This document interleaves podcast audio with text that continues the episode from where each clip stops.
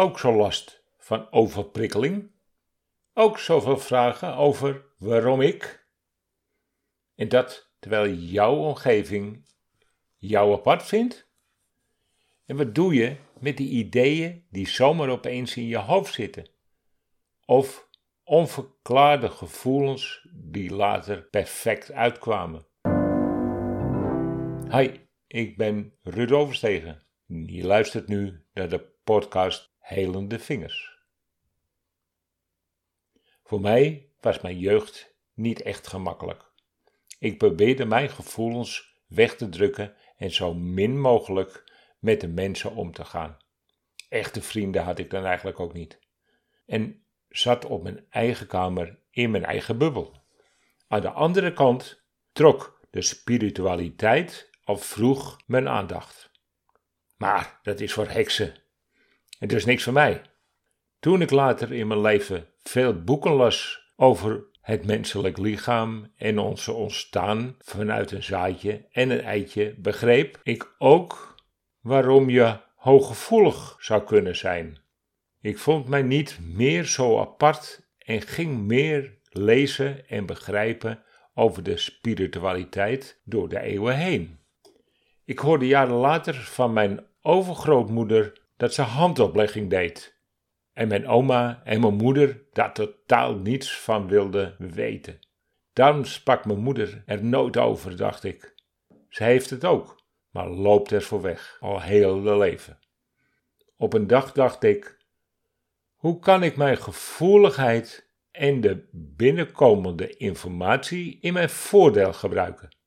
Want als mensen een vraag hadden, popte bij mij een antwoord op, al wist ik totaal niet wat dat met hun vraag te maken kon hebben. Wat ontdekte ik in die medische boeken? Het ging over de baarmoeder en de tijd die je daarin doorbrengt. In de twaalfde week na de conceptie beginnen je vingers te groeien.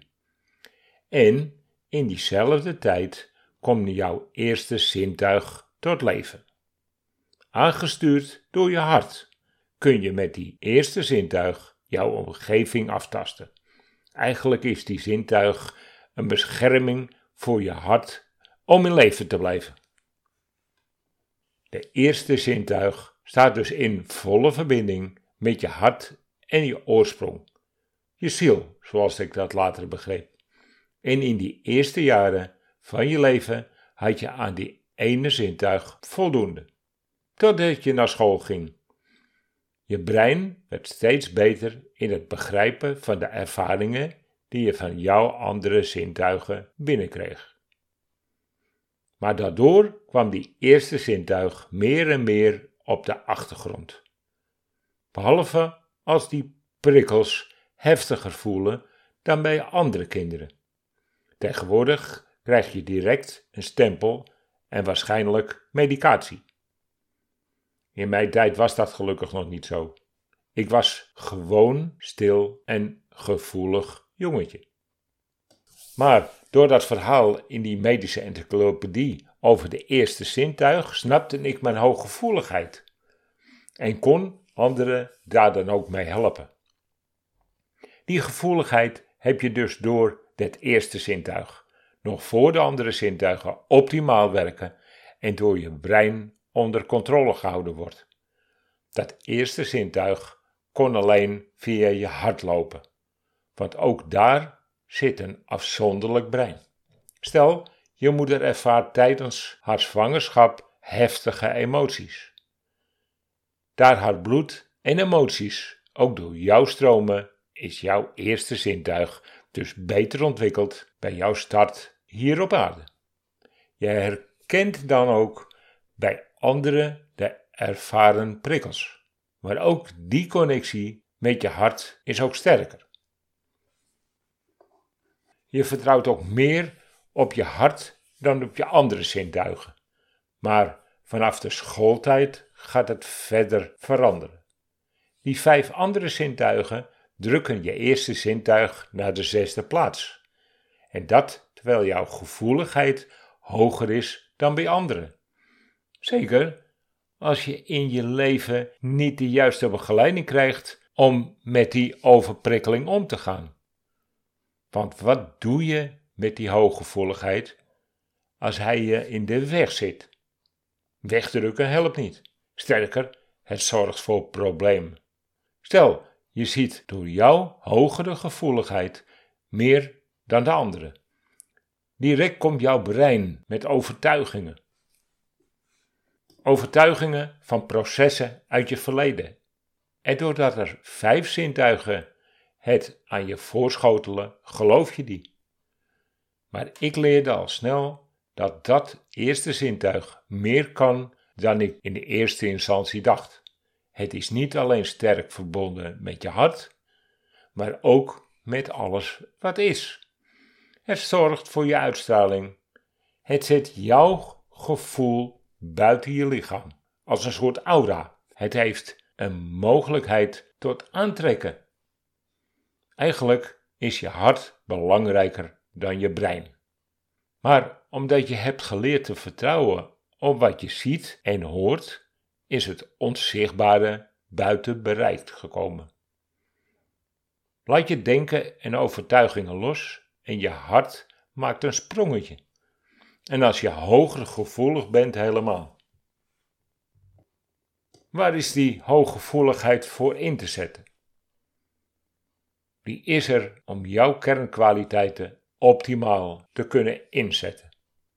Door die dingen te doen waar je hart blij van wordt. Wees weer als vroeger en kijk naar de buitenwereld alsof het een prachtige wereld is. Door die dingen te doen en voelen dat ze zullen slagen, zonder angst of overtuigingen van het tegendeel. Waarom ik het zo belangrijk vind om je te helpen bij het verder ontwikkelen van je hooggevoeligheid?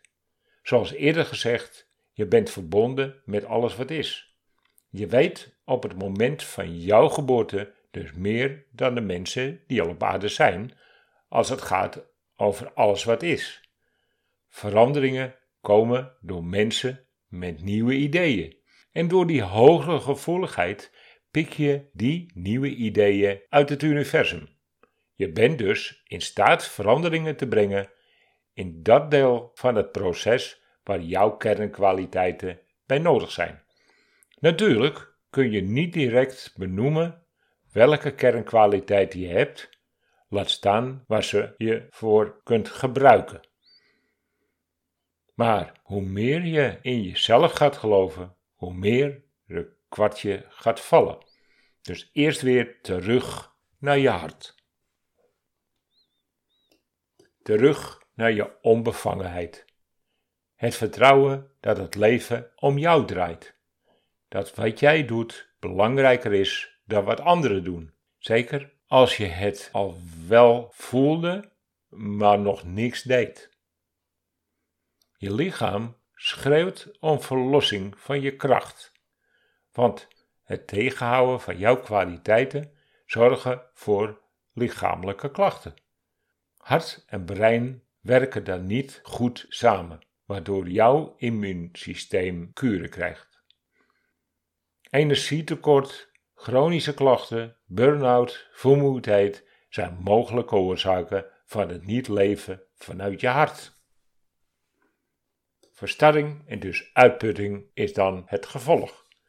Als ik naar de topjes van mensen kijk en de topjes zijn wat uit het lood, dan weet ik dat ze niet het leven hebben dat ze zouden moeten leven.